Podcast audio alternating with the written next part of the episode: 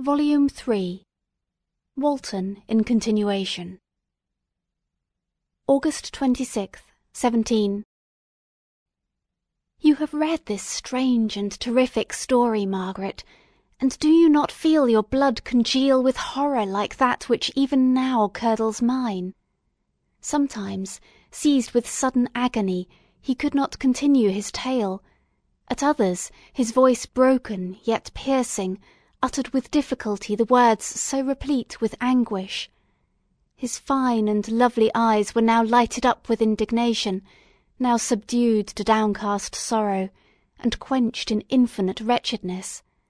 Sometimes he commanded his countenance and tones, and related the most horrible incidents with a tranquil voice, suppressing every mark of agitation; then, like a volcano bursting forth, his face would suddenly change to an expression of the wildest rage, as he shrieked out imprecations on his persecutor. His tale is connected, and told with an appearance of the simplest truth, yet I own to you that the letters of Felix and Safie, which he showed me, and the apparition of the monster seen from our ship, brought to me a greater conviction of the truth of his narrative than his asseverations, however earnest and connected. Such a monster has then really existence. I cannot doubt it, yet I am lost in surprise and admiration. Sometimes I endeavoured to gain from Frankenstein the particulars of his creature's formation, but on this point he was impenetrable. "Are you mad, my friend?" said he, "or whither does your senseless curiosity lead you? Would you also create for yourself and the world a demoniacal enemy, or to what do your questions tend? Peace, peace! Learn my miseries, and do not seek to increase your own." Frankenstein discovered that I made notes concerning his history; he asked to see them, and then himself corrected and augmented them in many places, but principally in giving the life and spirit to the conversations he held with his enemy. "Since you have preserved my narration," said he, "I would not that a mutilated one should go down to posterity.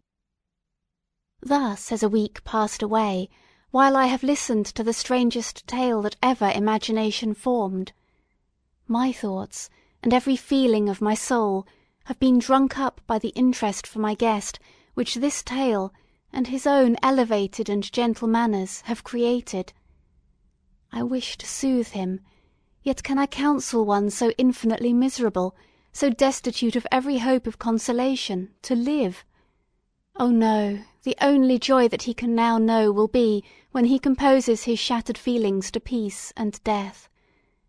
Yet he enjoys one comfort, the offspring of solitude and delirium.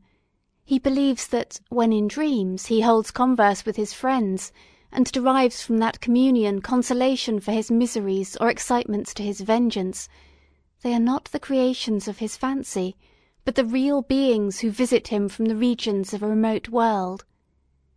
This faith gives a solemnity to his reveries that render them to me almost as imposing and interesting as truth. Our conversations are not always confined to his own history and misfortunes. On every point of general literature he displays unbounded knowledge and a quick and piercing apprehension. His eloquence is forcible and touching, nor can I hear him, when he relates a pathetic incident, or endeavours to move the passions of pity or love, without tears. What a glorious creature must he have been in the days of his prosperity, when he is thus noble and godlike in ruin! He seems to feel his own worth, and the greatness of his fall. When younger, said he, I felt as if I were destined for some great enterprise. My feelings are profound but I possessed a coolness of judgment that fitted me for illustrious achievements.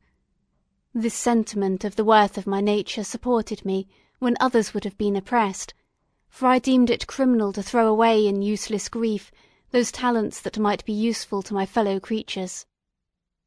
When I reflected on the work I had completed, no less a one than the creation of a sensitive and rational animal, I could not rank myself with the herd of common projectors. But this feeling, which supported me in the commencement of my career, now serves only to plunge me lower in the dust. All my speculations and hopes are as nothing, and like the archangel who aspired to omnipotence, I am chained in an eternal hell. My imagination was vivid, yet my powers of analysis and application were intense; by the union of these qualities I conceived the idea and executed the creation of a man. Even now I cannot recollect without passion my reveries while the work was incomplete. I trod heaven in my thoughts, now exulting in my powers, now burning with the idea of their effects. From my infancy I was imbued with high hopes and a lofty ambition. But how I am sunk! Oh, my friend, if you had known me as I once was, you would not recognise me in this state of degradation. Despondency rarely visited my heart, a high destiny seemed to bear on me until I fell, never, never again to rise.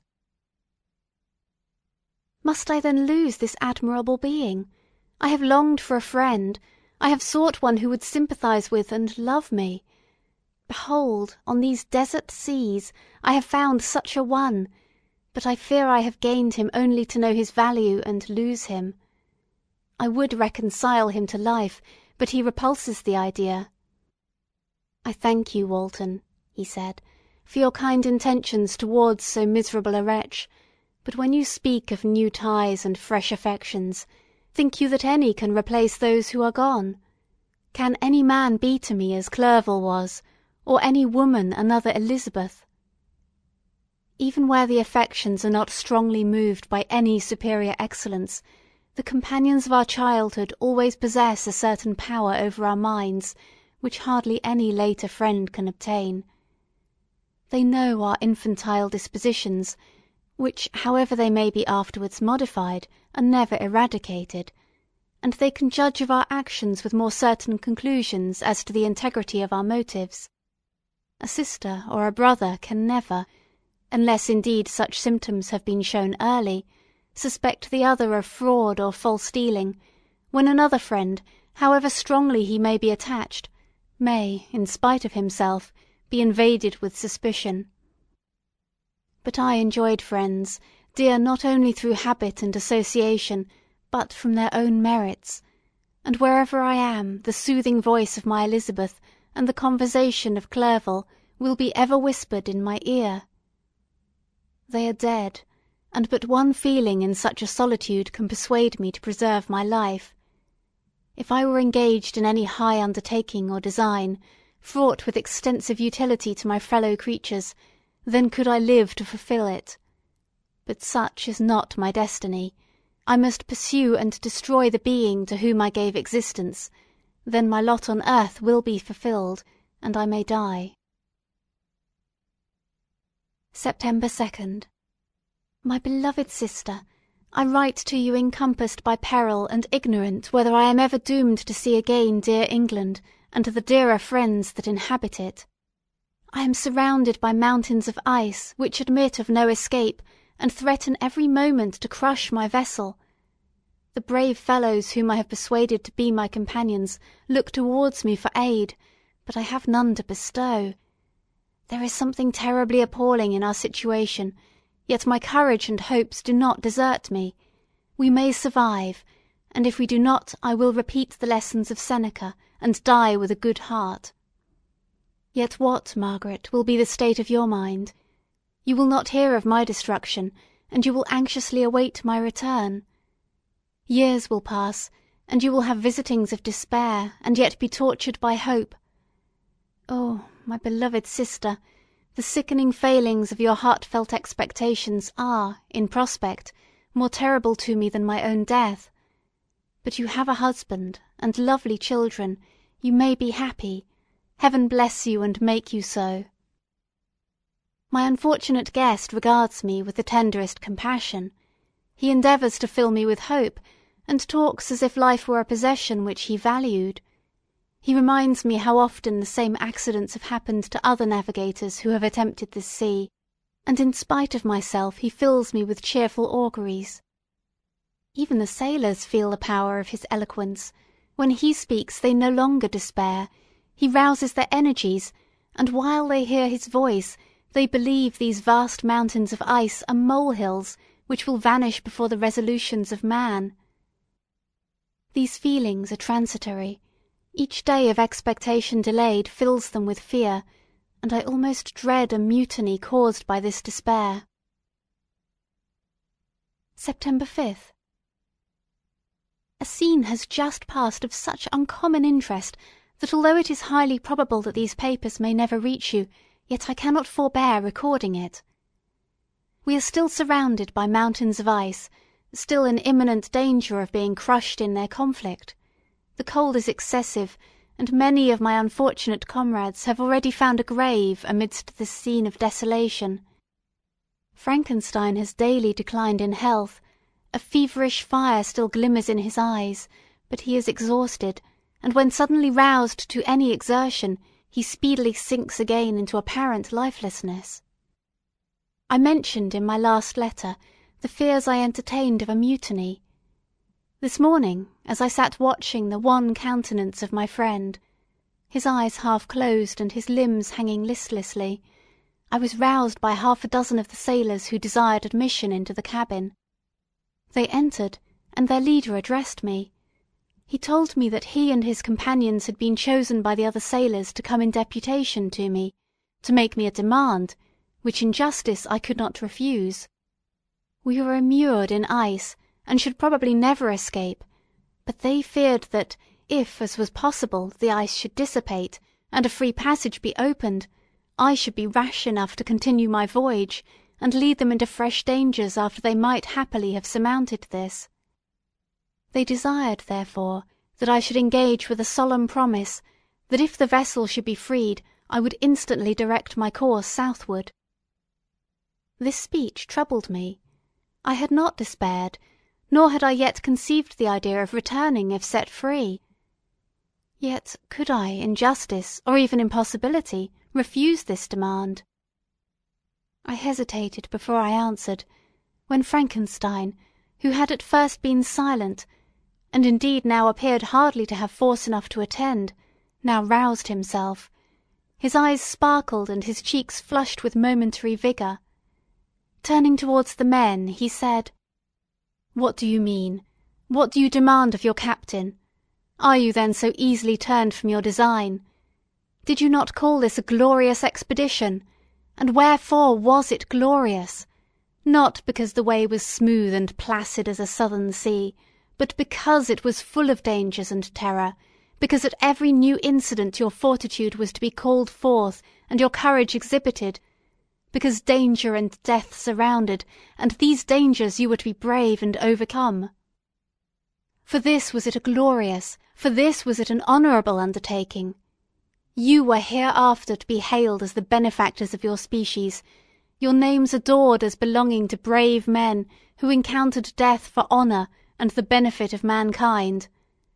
And now behold, with the first imagination of danger, or, if you will, the first mighty and terrific trial of your courage, you shrink away, and are content to be handed down as men who had not strength enough to endure cold and peril. And so, poor souls, they were chilly, and returned to their warm firesides. Why, that requires not this preparation; ye need not have come thus far, and dragged your captain to the shame of a defeat, merely to prove yourselves cowards. Oh, be men, or be more than men! Be steady to your purposes and firm as a rock. This ice is not made of such stuff as your hearts may be; it is mutable, cannot withstand you, if you say that it shall not. Do not return to your families with the stigma of disgrace marked on your brows. Return as heroes who have fought and conquered and who know not what it is to turn their backs on the foe." He spoke this with a voice so modulated to the different feelings expressed in his speech, with an eye so full of lofty design and heroism, that can you wonder that these men were moved? They looked at one another, and were unable to reply. I spoke. I told them to retire and consider of what had been said that I would not lead them further north if they strenuously desired the contrary, but that I hoped that, with reflection, their courage would return. They retired, and I turned towards my friend, but he was sunk in languor and almost deprived of life. How all this will terminate I know not, but I had rather die than return shamefully, my purpose unfulfilled. Yet I fear such will be my fate; the men unsupported by ideas of glory and honour can never willingly continue to endure their present hardships. September 7th. The die is cast. I have consented to return if we are not destroyed. Thus are my hopes blasted by cowardice and indecision; I come back ignorant and disappointed. It requires more philosophy than I possess to bear this injustice with patience.